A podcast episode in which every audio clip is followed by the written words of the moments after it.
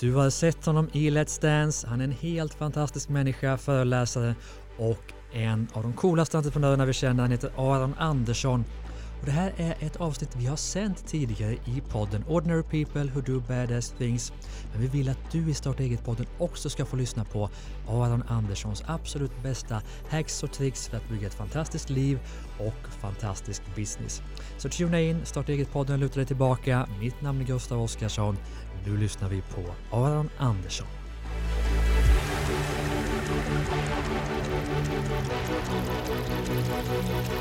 Nu kör vi! Välkommen Aron Andersson! Tusen, tusen tack för det. Vad kul att vara med. Ja, och hur mår du nere i Portugal? Ja, men jag mår bra nere i Portugal. Ja. Jag mår väldigt, väldigt bra. Jag frågade när vi snackades vid innan här om varför du var i Portugal och det var fallskärmshoppning stod eh, högt på agendan.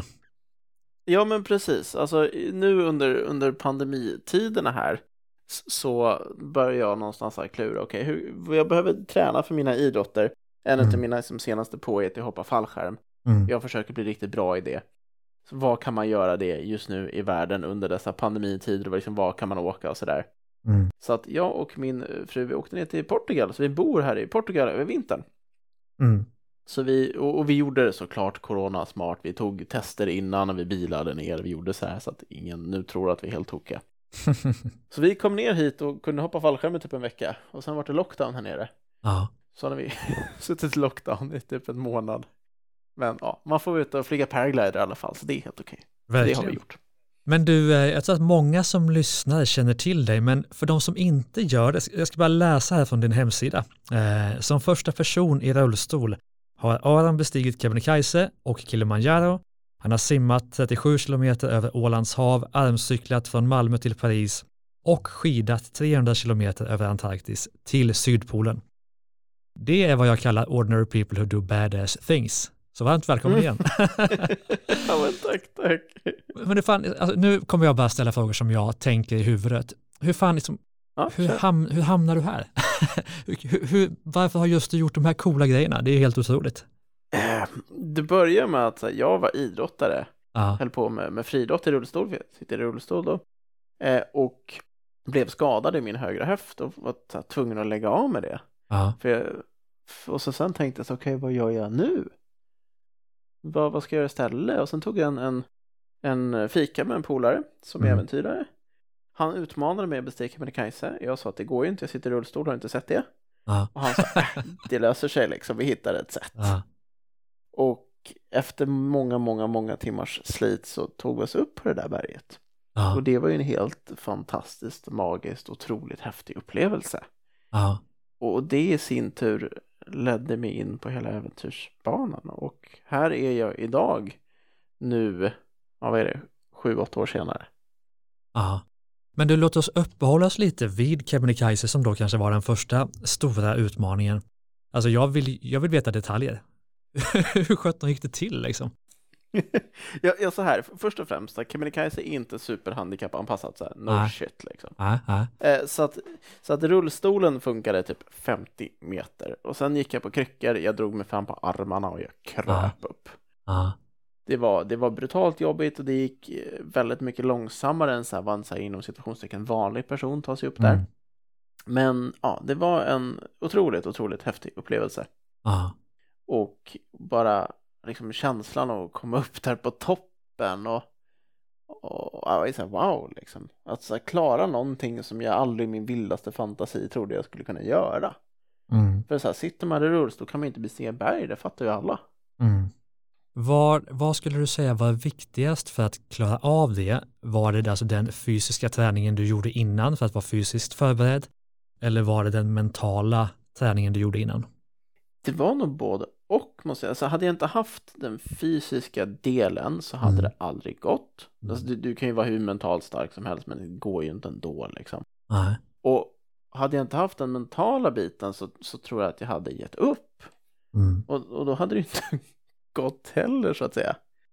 Så mm. att det, det är väl alltid det där, liksom, det är väl som i allt man behöver både och. Mm.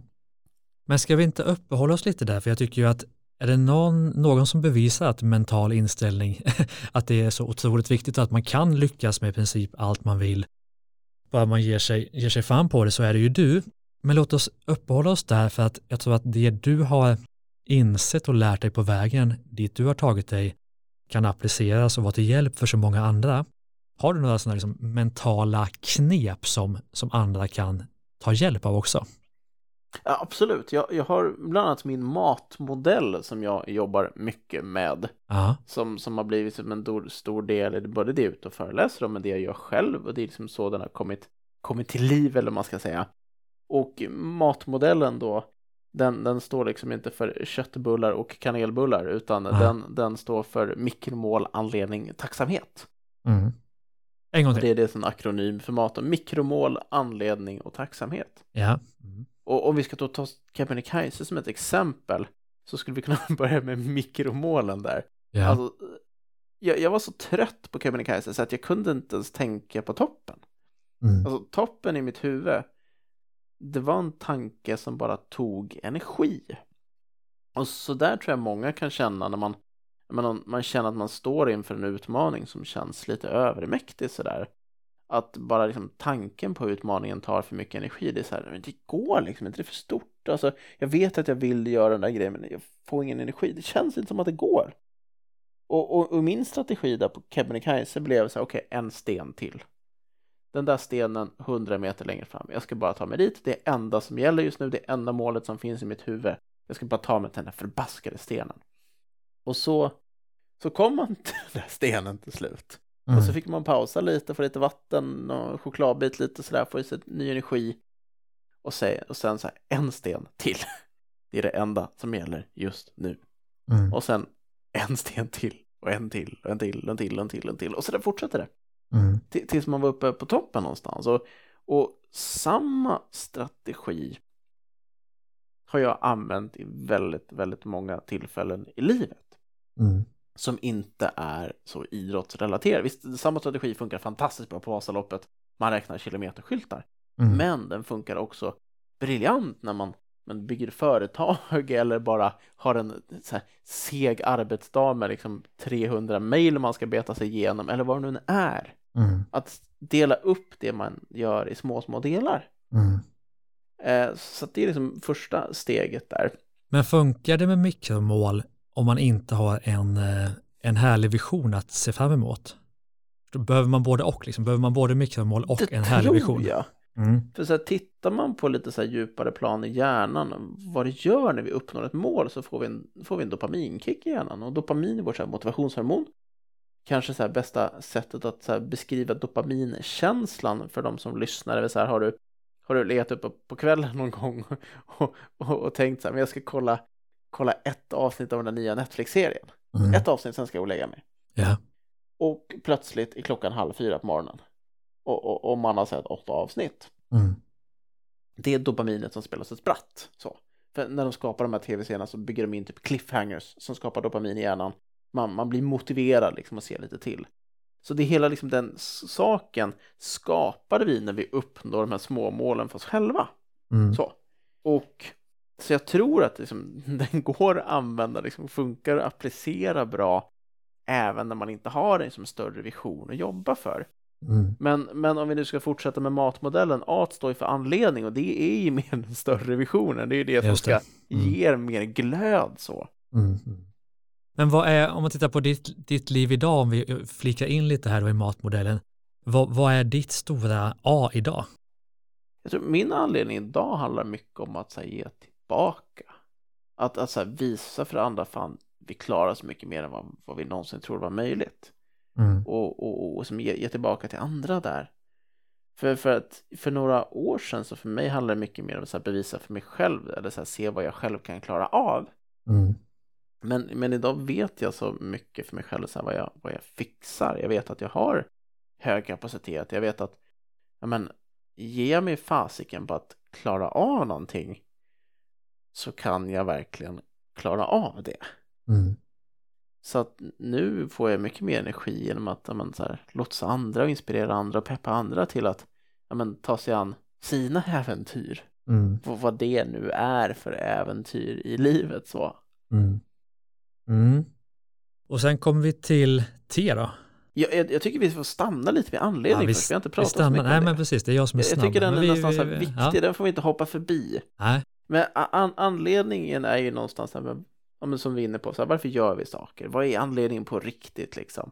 Vad är det som ger oss kraft så? Mm. Och, och, och, och, som du säger då, om man ska liksom få lite mer kraft om man inte riktigt hittar det där, så det är en jäkla utmaning, det vill säga livet sen någonstans här, största fråga eller så här, största utmaning att hitta den där anledningen. Mm. Det, det är få saker som jag tror är så belönande som att hitta verkligen sin anledning själv på djupet. Mm. Och det är få saker som är så klurigt som det. Mm. Så att tålamod är nog nyckel till det och någonstans tillit till processen att man kommer hitta den till slut om man söker. Så. Mm.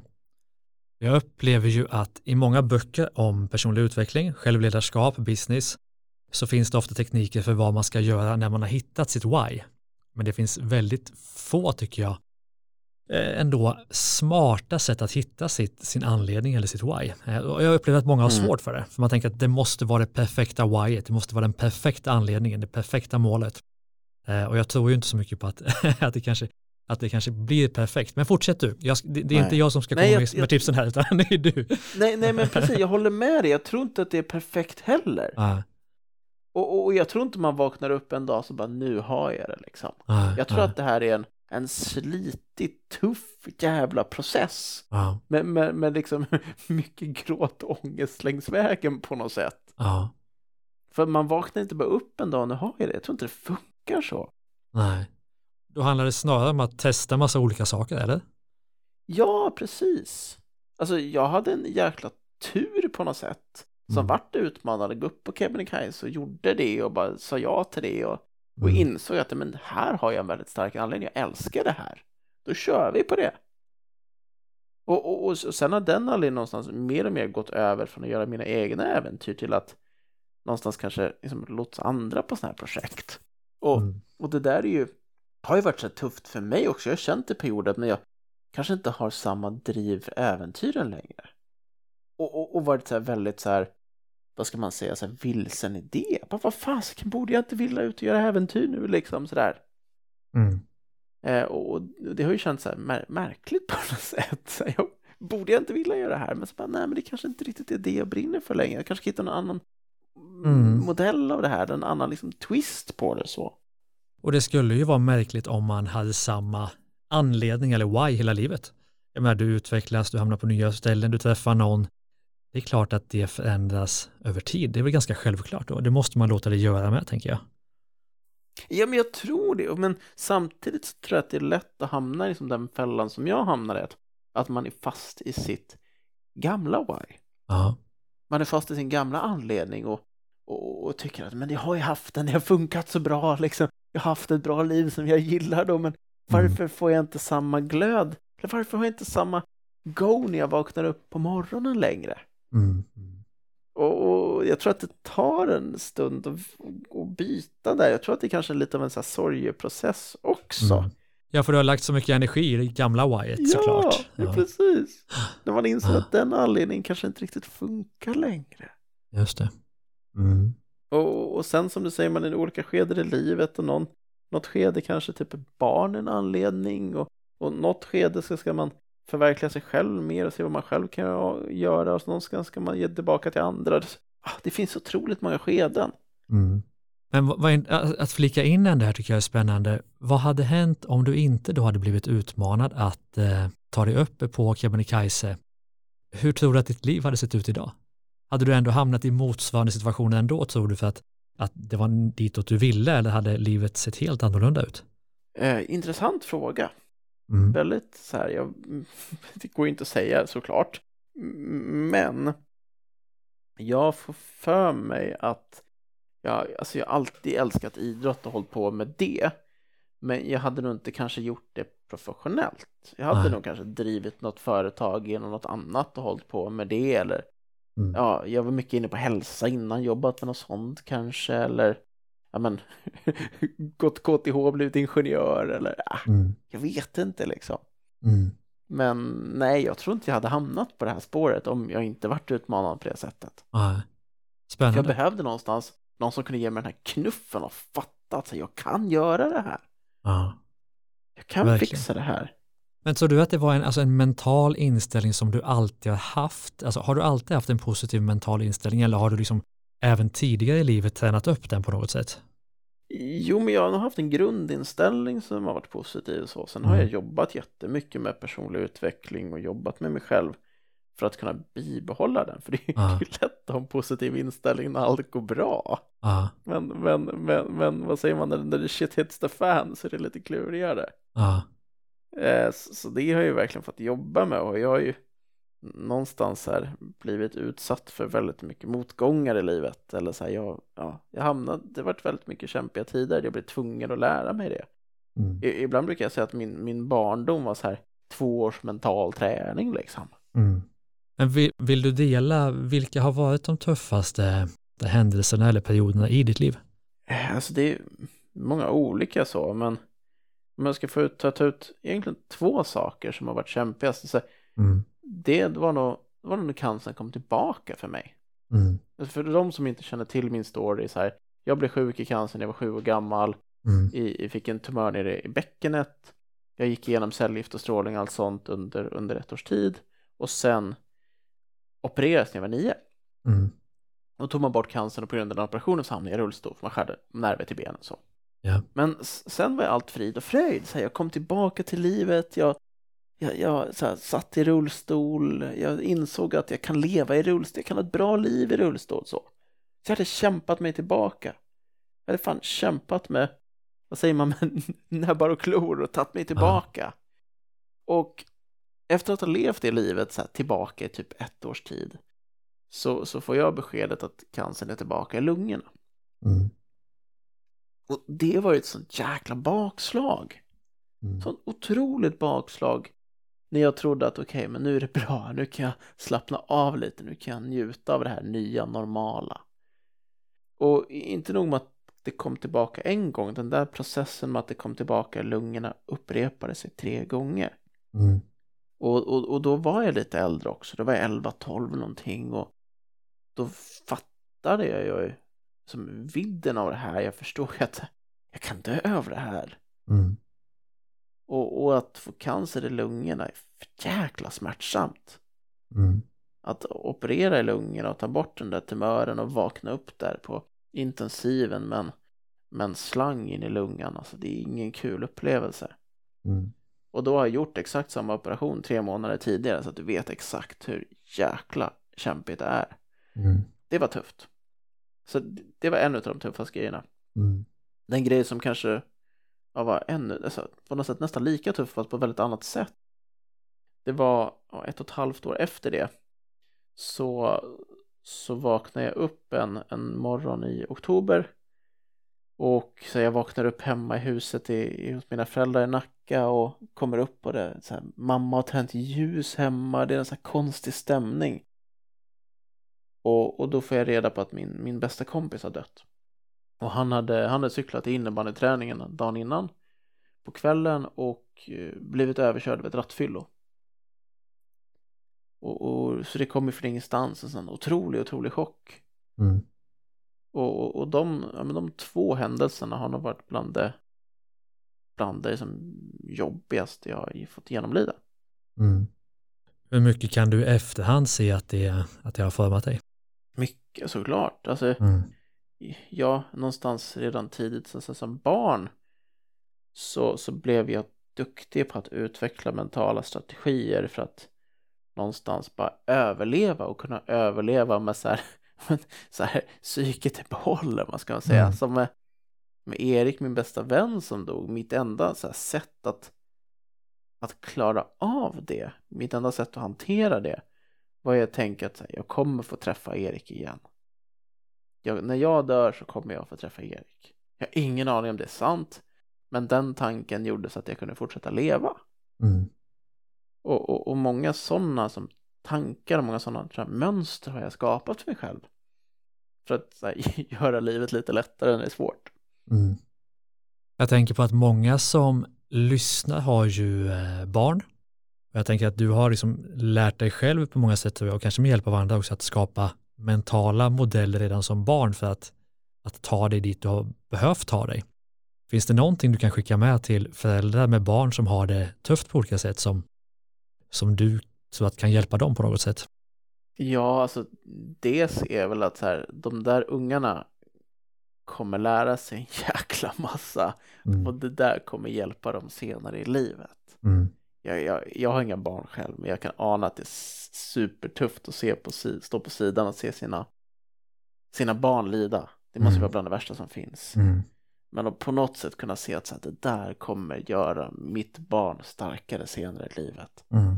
För de barn som bara åker räkmacka genom livet aldrig får uppleva några motgångar på det sättet. Jag tror inte det blir bra när man kommer ut i vuxenlivet sen. Mm. Och plötsligt så inser man att säga, hej, det kanske inte är så lätt.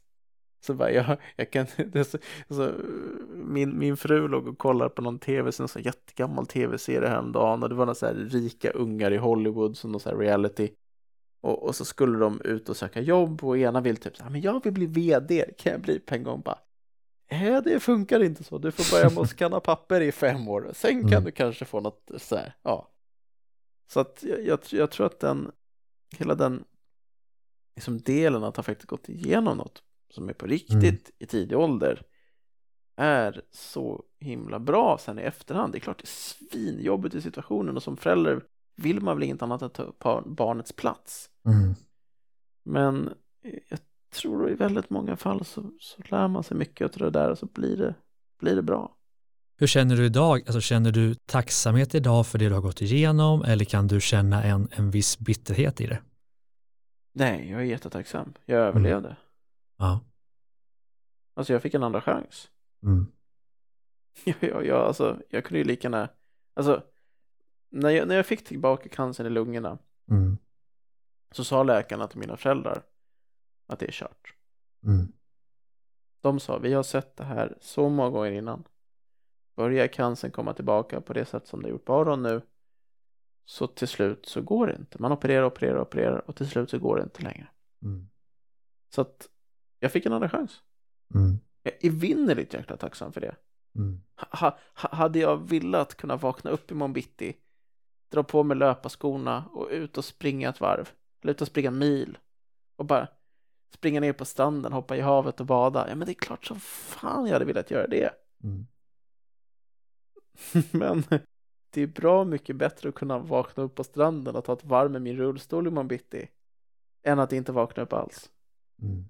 Ja, fan, det är så lätt att glömma vilken situation man än är i, att, att glömma bort tacksamheten för det man har. Jag menar, vi är ju båda personer med ambitioner, och nästan alla som lyssnar på, på podden också är ju människor med stora ambitioner och det är ofta nästa steg och nästa projekt och nästa sälj och vad det nu kan vara. Men att landa, och det är så skönt att kunna prata om det också, att landa i tacksamhet, bara för en sån sak att, att bo i Sverige eller att under en pandemi kunna i alla fall delvis då för, det, för din del, vistas ute eller att kunna vakna varje morgon eller vad det än är. Det finns så otroligt mycket att vara tacksam för, men det är så lätt att glömma i vår entreprenöriga ständiga strävan eh, efter nästa steg. Va? Ja, verkligen. Det är jättelätt att glömma. Och, och ja. alltså, jag glömmer det i perioder också såklart. Mm. Det här är något som jag behöver, alltså jag har inte det inbyggt automatiskt för att säga jag har haft cancer och hamnat i rullstol. Det är mm. klart jag inte är tacksam en jäkla minut för det. Nej. Jag behöver jobba med det som vem som helst. Mm. Men jag tror att jag kanske har lite närmare till det. Mm. Det är klart, så här, men missar jag någon så här stor affär i mitt företag eller får någon så här personlig motgång eller något. Det är klart jag tycker det är svinjobbigt. Mm. Som för alla, men jag tror att jag är närmare till att kunna hitta tacksamhet i de situationerna. Okej, okay, mm. det här har hänt, det suger. Men vad kan jag vara tacksam för just nu? Mm. Och, och, bara så här, gör jag den liksom, mentala övningen med mig själv ah. så känns livet plötsligt lite, lite bättre. Ja, ah, spännande. Har du några, alltså vi ska snart gå in på te tänker jag, men när vi ändå pratar om tacksamhet liksom, och mentala övningar, eh, eh, har du någon så här, tacksamhetsövning eller någon form av meditativ övning som, som hjälper dig? Just när det kommer till tacksamhet så handlar för mig tacksamhet väldigt mycket om perspektiv. Mm. Och, och, och, det är egentligen det vi har pratat om nu. Och, och så här, teet i mat, matmodellen är faktiskt tacksamhet. Så att ja, vi ser, vilken koppling. Och jag som hade glömt bort vad teet var så jag bara säger te hela tiden. ja. ja, men jag vet inte om jag sa det innan att det var tacksamhet. Jo, det sa du faktiskt när jag tänkte på saken. Nej, men så det är faktiskt tacksamhet. Och så här, för mig handlar tacksamhet så mycket om så att just perspektiv. Alltså kan jag hitta perspektiv så är perspektiv nyckeln till tacksamheten. Mm. Och, och ja, det är som styrka där liksom. Och, ja, men så här, jag har inbyggt perspektiv i mitt liv, men samtidigt så här, jag har klurat en del på så här, vad hade hänt om jag inte hade haft perspektivet? Vad hade hänt om så här, man hade så här, varit med i en bilolycka, hamnat i rullstol över natt och inte haft perspektiv? Mm. Alltså, nu var ju mitt perspektiv så här, cellgiftsstrålning, operationer, cancer, allt vad det var. Mm. Jämför man det med att sitta i rullstol, i rullstolen hur sweet som helst. Mm. Så att så här, perspektivet är så jäkla viktigt och det, det är väl samma sak där som vi pratade om det här med föräldern med, med ett barn som är sjukt eller går igenom något tufft. Mm. Alltså det blir perspektiv för det barnet i framtiden som det barnet kan använda för att vara ett tacksammare och lyckligare barn. Mm. Eller tacksammare och lyck lyckligare vuxen så i slutändan. Just det. Men du, om vi tänker oss då, jag gör ett antagande, jag hoppas det är okej, okay, att när man har gått igenom cancer då till exempel, som i ditt fall, innebär det per automatik att, att man, eller så här, det gör det nog inte, men för dig känns det som att det har gjort att du har bestämt dig för att jag ska vara i min bästa fysiska form som jag någonsin kan vara. Stämmer, det? stämmer den fördomen? Jag vet inte, alltså, nej jag tror inte att det stämmer. För, att, för, för, för, någonstans är att cancer idag tror jag för gemene man inte är så kopplat med välmående och livsstil mm. som det kanske borde vara. Mm. En stor del av cancer idag, i västvärlden i alla fall, är livstidsrelaterat. Aha. Det hänger ihop med liksom rökning och alkohol och allt sånt där. Då käkar man mer liksom frukt och grönt och rör på sig mer snabbt så har man mindre risk att få, cancer igen. Mm. För mig är det en stor koppling. Så här, jag gör det jag kan mm. för att hålla mig i bra fysisk form, för att äta bra, för att liksom, minimera alkohol, som jag aldrig rört en cigarett i mitt liv. Mm. Jag, jag, gör de sakerna för att säga, hej jag har provat cancer en gång, ah. här, inte en gång till. Ah. jag minimerar mina risker. Ah.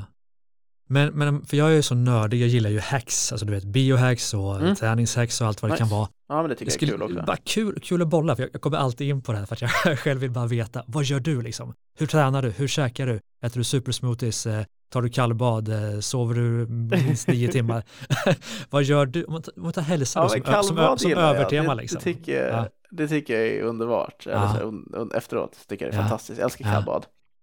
Eh, och jag försöker träna, alltså så här, jag gör det jag kan för att träna smart. Aha. På så sätt att så här, till exempel, jag kan ge ett exempel, styrketräning nu.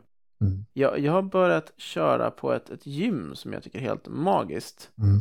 Eh, som, som jag nu har helt glömt bort namnet på. Det ligger i Nögastrand. Eh, vad fasken heter det? Det är helt briljant bra. Jag måste nästan googla på det, vad det heter nu under tiden. Mm. Men så här, det, det funkar så att att de har maskiner som man kör som är datorstyrda eh, och alla maskinerna kan lägga på excentrisk träning. Mm. Och ex, vet du vad excentrisk, eller excentrisk belastning är? Vet du vad det är för någonting? Jag tror att det är bäst att du förklarar det för lyssnarna. Du gör det säkert bättre än vad jag gör. ja, men, men så här, säg att du ska köra ja, men ben, knäböj, benböj. Ja. Och eh, om, om du kan, kan liksom, vad tror du att du kör i benböj? Vad görs här? Ja. Eh, alltså liggande maskin eller stående? Stående med stång bara så. Oh, vad, det kör jag så sällan så jag, jag, kan inte säga. Vi, vi, säger 125 kilo, jag har ingen aning. 125 kilo, ja. Men, och det är liksom en repetition upp så. Mm. Däremot, vad tror du att du skulle kunna hålla emot? Om du redan har 100, ja. om du redan har en vikt på stången och så ska jag bara mm. gå neråt. Då kan du ju hålla emot en mycket tyngre vikt. Då kanske du mm. skulle kunna hålla emot 175 kilo. Absolut. Mm. Så, och det är de här maskinerna gör, Boost heter gymmet förut, nu hittar jag ja. Boost Sweden, ja, men det svinbra ja. gym. Mm, mm. Grymt faktiskt. Eh, och de här maskinerna då lägger på en excentrisk belastning. Så att du kanske lyfter dina 125 kilo i den så koncentriska fasen som är uppåtfasen. Mm. Men sen i nedåtfasen när du håller emot så kanske de lägger på 175 kilo då.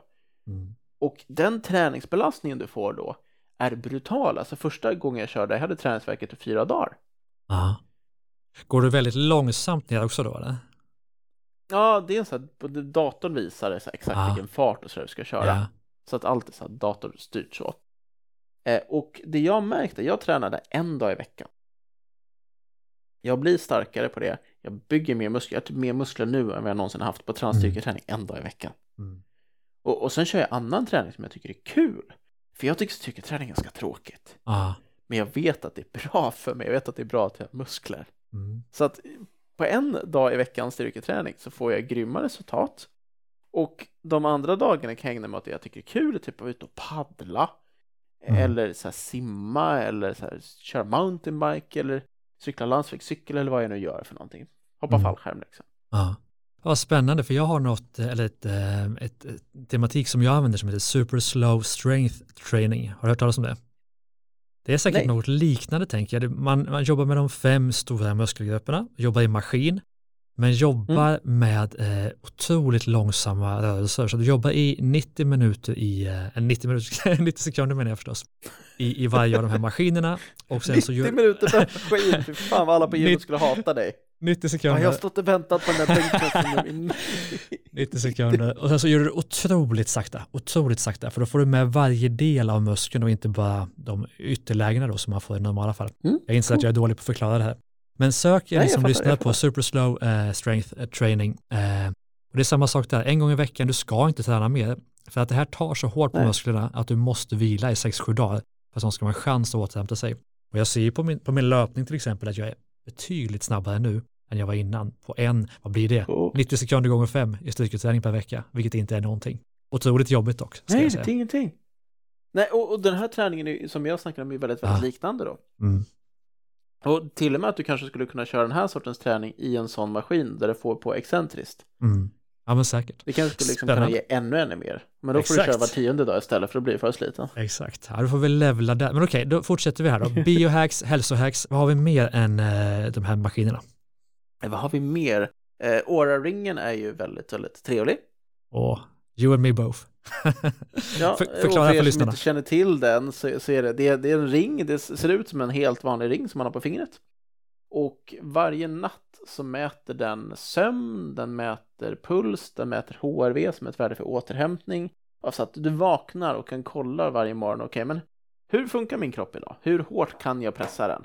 Och har man bra värden, bara kör på, ut och kör ett stenhårt träningspass, ut och jobba som en galning, skicka iväg de där tusen mejlen du ska dra iväg eller vad det är.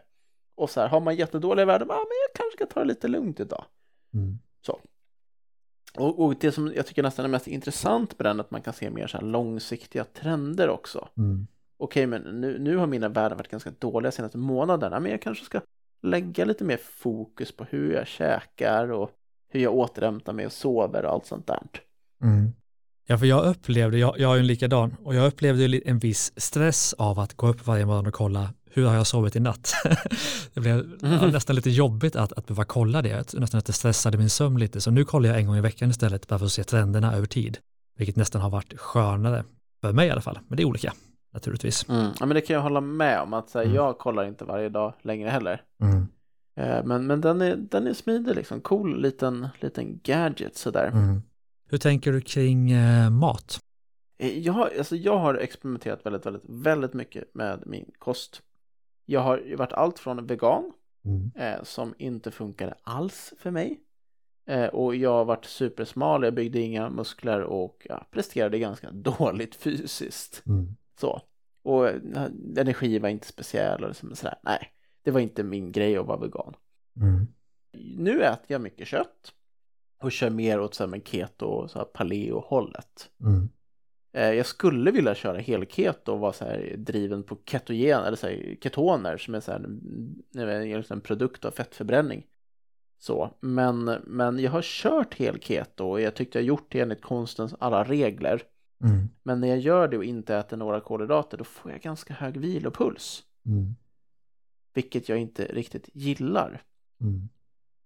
Så, så nu kör jag, ja men ofta så kör jag väl i alla fall så här lunchen, mycket fett och protein, inga kolhydrater och sen kolhydrater till middagen. Mm. Eh, och då håller vilopulsen sig ner liksom, och funkar det bättre. Och sen frukost käkar jag ingen. Inte alls. Så att jag kör liksom så här, nej, väldigt, ibland, men väldigt sällan. Mm. Så. Mm. så att jag kör i princip så här periodisk fasta då, så här, men typ 16 timmars fasta typ 8 timmars ätfönster om dagen Mm. ungefär. Intressant. Och, och, och lyckas du hålla det? För jag har ju det som princip, jag kan inte, om jag ska vara ärlig då här i podden, och det måste jag ju vara i och med att det är min egen podd, så lyckas jag inte hålla det, jag kanske lyckas hålla det tre dagar i veckan, ish. Varför då? då? Vad, vad gör du? Vad händer liksom? Lat kanske? Hjälp mig, okej hjälp mig då, vad behöver jag göra? vad behöver jag göra? Vad, vad är det jag saknar för att få det att Ät hända inte. Var, varje dag? Jo, jag förstår det. Men, vilken, men vilken, mental, vilken mental skruv ska jag skruva på här? Ja, men det vet jag inte för du har inte gett mig någon info. Nej, jag vill äta 8-16, jag gör det inte. Eh, Varför gör du inte? nej, exakt. Det är en jävligt bra fråga. är det du ska svara på? Nej, men varför gör du inte på riktigt? Nej, exakt. Alltså, så här, eh, för, för det finns ju en anledning till det. Ja, Är det att du inte känner dig bra på det? Det kanske inte är din modell. Kanske inte Mm. det du ska göra. mm, Alltså, är det att du inte har sett några resultat på det liksom? mm, mm. Eller kan det vara helt annat? Nej, spännande för, lite för jag det. har nog inte sett några resultat tydligt kopplat till just det. Eh, det kan ju faktiskt vara en intressant inblick. Vad har du sett för resultat för dig på just den principen? Jag tycker jag känner mig liksom lättare i kroppen utan att, att äta hela tiden.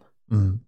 Jag tycker att jag känner mig bättre. Sen, jag, så jag kan inte säga att jag har sett något specifikt resultat på Åra-ringen eller något sånt där. Mm. Men jag tycker det känns bra att låta kroppen vila från mat.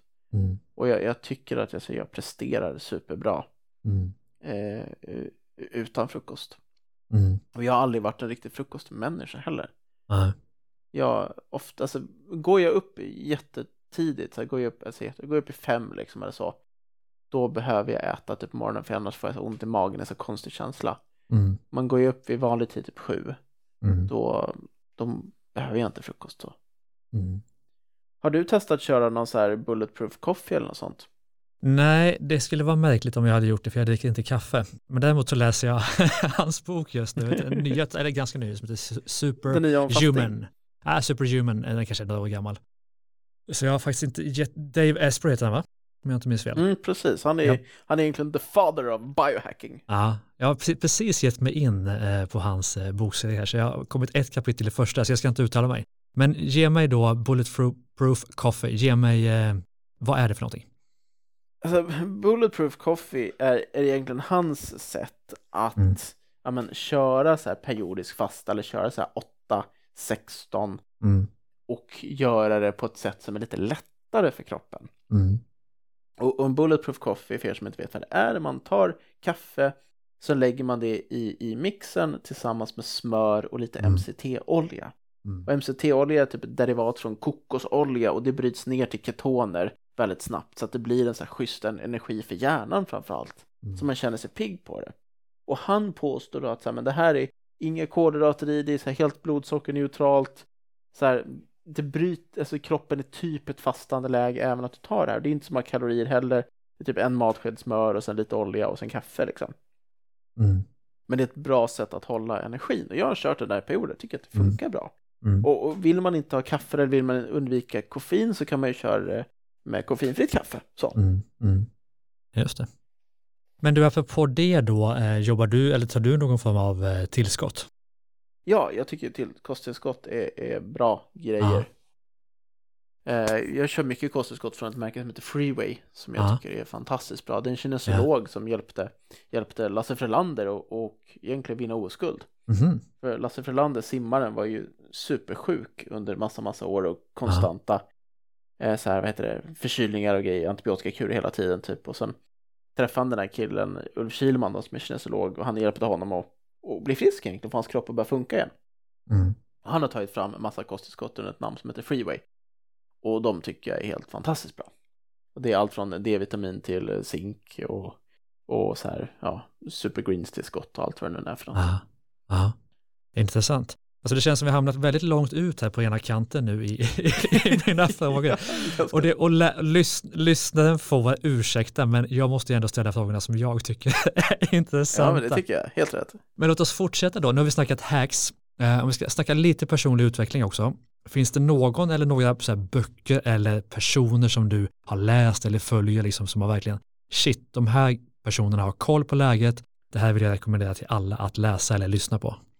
Vad har vi för någonting? Alltså jag tycker eh, min kompis David Phillips mm. är ju väldigt, väldigt här, duktig på personlig utveckling. Jag tycker han har så här, nördat ner och brutit ner personlig utveckling på väldigt många sätt. Så han har en kurs som heter Wow-kursen. Mm.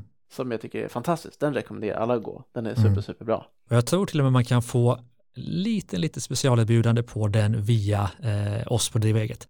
Men jag ska inte säga för mycket. Eh, du får leta på driva-eget.se. Jag tror det finns något i, göm i gömmorna. jag, har faktiskt, jag har gått där också, den är fantastisk. Jag ska säga det. Magisk. Ja, ja men David är super, super härlig mm, person mm. och jättebra så. Så den kan jag verkligen rekommendera. Mm. Och, och, och liksom, jag har gått lite Tony Robbins kurs och mm. lite sådär. Och, men ja, det finns ju så mycket. Och, alltså, någonstans måste man ju också så här förstå så här, okay, men vad, vad är man själv ute efter just nu? Mm. Och, liksom, vad, är, vad, vad vill man själv ha? Alltså de kurserna som jag har gått behöver ju inte passa för, för många andra liksom. Mm, mm. Men, men, jag tror att en generell grej bara personlig utveckling är att ta hand om sin kropp. Mm. Och jag tror man börjar förstå det mer och mer hur, hur viktigt det är för att hjärnan ska kunna fungera att verkligen ta hand om sin kropp, alltså att röra på sig, att käka vettigt, att sova och göra de där grejerna så att, så att din hjärna får, får så optimal funktion. Mm. För, för ger man inte hjärnan det så, så är det klart man inte så mår bra till slut. Mm. Alltså, jag, jag är med i olika så forum med folk som ändrar sin kost och sådär. Det är så, här, så många personer som gör kostomläggningar som, som, som säger bara, ja visst det är schysst att gå ner lite vikt eller så här, må mm. bättre i kroppen. Men det största är att min hjärna börjat funka, jag tänker på ett helt annat sätt. Mm. Men det här är ju intressant, alltså, apropå det vi var inne på innan, men varför gör inte jag 8-16 varje dag? För ofta vet vi, de flesta av oss i alla fall, som är nyfikna på att, att må bättre, vi vet att vi ska sova åtta timmar, vi vet att vi borde äta på ett visst sätt, vi vet att vi borde träna på ett visst sätt, vi vet att vi borde kanske ta hand om vår hjärna på olika sätt, kanske med meditation eller vad det nu kan vara. Vi blir ju överösta av den här informationen så vi, det är inte kunskapen vi saknar i allmänhet utan det är ju att, att få det att hända. Har du något sånt här, liksom, ditt bästa verktyg för att få saker att verkligen bli av eller för att skapa vanor eller vad vi nu ska kalla det? Alltså jag tror att det där handlar jättemycket om att sätta sig i en situation där man är tvungen att göra det. Aha. Så här, vill du komma i form? Anmäl dig till ett lopp så att du är tvungen att komma i form och säg mm. det till alla dina kompisar att jag ska köra det här. Mm. Alltså, för, för, för någonstans, det finns ju studier som pekar på att så här, vi har en viss begränsad kapacitet att ta beslut varje dag. Mm. Och, och, och, som, som dig nu säger att amen, jag fullföljer inte riktigt 8-16 som jag, som jag kanske skulle vilja göra. Så tar du ju någonstans ett aktivt beslut att nej, men jag käkar frukost idag ändå. Mm. Den, där, den där mackan eller vad du nu käkar, liksom. men jag ska ha den där till frukost ändå. Jag behöver nog det idag. Så. Mm. Du tar ett aktivt beslut om det. Ja. Och då har du ju inte riktigt den här liksom, beslutskapaciteten och beslutsorken då. Kanske ta det där beslutet som du så här, kanske någonstans djupt där inne skulle vilja ta. Mm. Att nej men jag ska inte äta frukost idag, jag dricker bara vatten till frukost och tar mina tillskott eller vad jag gör. Och, och sen så käkar jag lunch liksom. Mm. Och, och, forskningen säger att vi har ett begränsat antal sådana här beslut varje dag. Och kan vi då bli av med de beslut som vi inte behöver ta? Mm. Ja, men Zuckerberg är väl, är väl känd, eller Jobs för den delen, mm. var ju känd för att alltid ha den här svarta polotröjan, var väl svart t-shirt så. Just det. Han hade ju rationaliserat bort sina som en klädbeslut varje dag. Mm. Ja, vi har ju en gäst i podden som alltid väljer pizza nummer nio till exempel, för att slippa det beslutet. ja, men precis. ja. och, och, och, och, och någonstans, alltså, vissa beslut tar väldigt mycket tankeenergi, mm. men de kanske inte är så belönande. Mm. Mm. Alltså, så, som i mitt liv, jag tycker det är jättegott att äta, så, som de flesta av oss. Mat är ju trevligt. Men alltså, jag har typ en rätt jag lagar ofta. Som, som just nu, en köttbit och, och schysst sallad. Det är min lunch. Mm. Då har jag rationaliserat bort det beslutet. Superlätt, ah, ah. det är det jag lagar, punkt. Just det. För, för jag märker att går jag och klurar och tänker bara, men vad ska jag laga till lunch idag? Så här, tut, tut, tut. Det mm. går liksom inte, det bara tar så mycket energi. Energi som jag vill lägga på saker som faktiskt ger mig något i slutändan. Mm. Energi på att här, utveckla mitt företag eller liksom göra någonting som faktiskt är bra på något sätt. Mm. För du kanske har energi till, inte vet jag, fem eller tio eller två kanske viktiga beslut varje dag. Och då kan du inte lägga den energi eller beslutsenergin på att välja middag, helt enkelt. Nej, jag tycker inte det heller, för för mig är inte det mm. viktigt. För mig ger det inte energi tillbaka, men, men är du en sån som så här, ja, men älskar att klura på, men åh, vad ska jag laga för god middag idag? Lite sådär mm. solmogna tomater, bam, bam, bam, sådär. Ja, men gör det, är ju fantastiskt för dig. Mm. Men, men för mig så bara suger en sån grej energi. Mm. Ja, jag håller alltså, med. Jag har haft perioder, jag hade en period när jag åt quinoa varje dag under tre års tid. Det är typ inte att rekommendera, men, men för mig funkade det bra. Mm. Det var min lunch, så här, quinoa med fisk typ, eller quinoa ja. med någon så här. Ja. Men det är verkligen att ge sig själv chansen att, att, ta de viktiga besluten och inte lägga tid på annat och det är ju ett fantastiskt verktyg, att, eller i alla fall ska, ska ett, ett fantastiskt eh, tankesätt. Eller hur? Ja, precis. Och det är smidigt att kunna använda i perioden man känner okej, okay, men nu måste jag verkligen fokusera. Mm. Så här, jag behöver lägga energi på de grejerna som är viktigt. Mm. Och, och, och, någonstans kan man automatisera sina vanor. Mm. Men skulle du kunna automatisera på något sätt så att du, du liksom inte har någon möjlighet, alltså enkel möjlighet att käka frukost? Ja, men alltså enkelt egentligen. Varför äter jag frukost? Jo, för att det finns frukost hemma. Eh, två, för att min flickvän vill äta frukost. Eh, jag ska inte ta bort henne. Men jag kan ta bort att det inte finns någon frukost jag gillar eller att hon vill äta på en tid som jag inte vill äta. Inte vet jag liksom vad det kan vara. Ja, men eh, precis. Ja. Olika triggers. Du, olika, du, du kan ja. alltid göra så att så här, du är ute på promenad när hon käkar frukost så att ja. du, du, inte blir suktad. Det, det går ju att hitta sätt att göra det. Verkligen. Och, och då, då, behöver man inte lägga tankenergi på den grejen. Mm. Det finns ju en fantastisk bok tycker jag eh, som heter Atomic Habits, eh, James Cleary. Jag vet inte om du har läst den, om hur man skapar vanor. Jag har inte läst den, nej. Värd att läsa. Vad säger, vad säger de i den då? Vad, vad är, vad pratar mycket om olika sätt att bygga upp vanor. Dels som du var inne på att göra det tillsammans med andra eh, är viktigt. Att göra den nya vanan offentlig, för då är det lätt, eller svårare att backa bort från den. Att ha triggers till exempel som påminner en. Eh, att inte vara i miljöer där det, där det blir lätt att göra det man inte vill och vara i miljöer där det är lätt att göra det man vill. Eh, och så vidare och så vidare. Det finns ju ett mm. antal mm. sådana här forsknings, eh, ja, forskning på vad man ska göra för att eh, skapa en ny vana. Det finns också en forskare som heter BJ Fogg som är väldigt duktig eh, på just det. Lite, återigen lite nördigt. Men du Aron, vi har ju liksom verkligen flugit iväg här nu på nörderi. Jag hoppas att, att lyssnaren tycker att det här har varit lika intressant som jag. Men vi måste på något sätt börja runda av eh, i, i detta virrvarr av kosttillskott och eh, nya rutiner. Så vad tycker du Eh, nu har vi chansen här, tusentals lyssnare, alla driver bolag, alla vill bygga coola liv och verkligen gå från att vara ordinary people till att bli badass.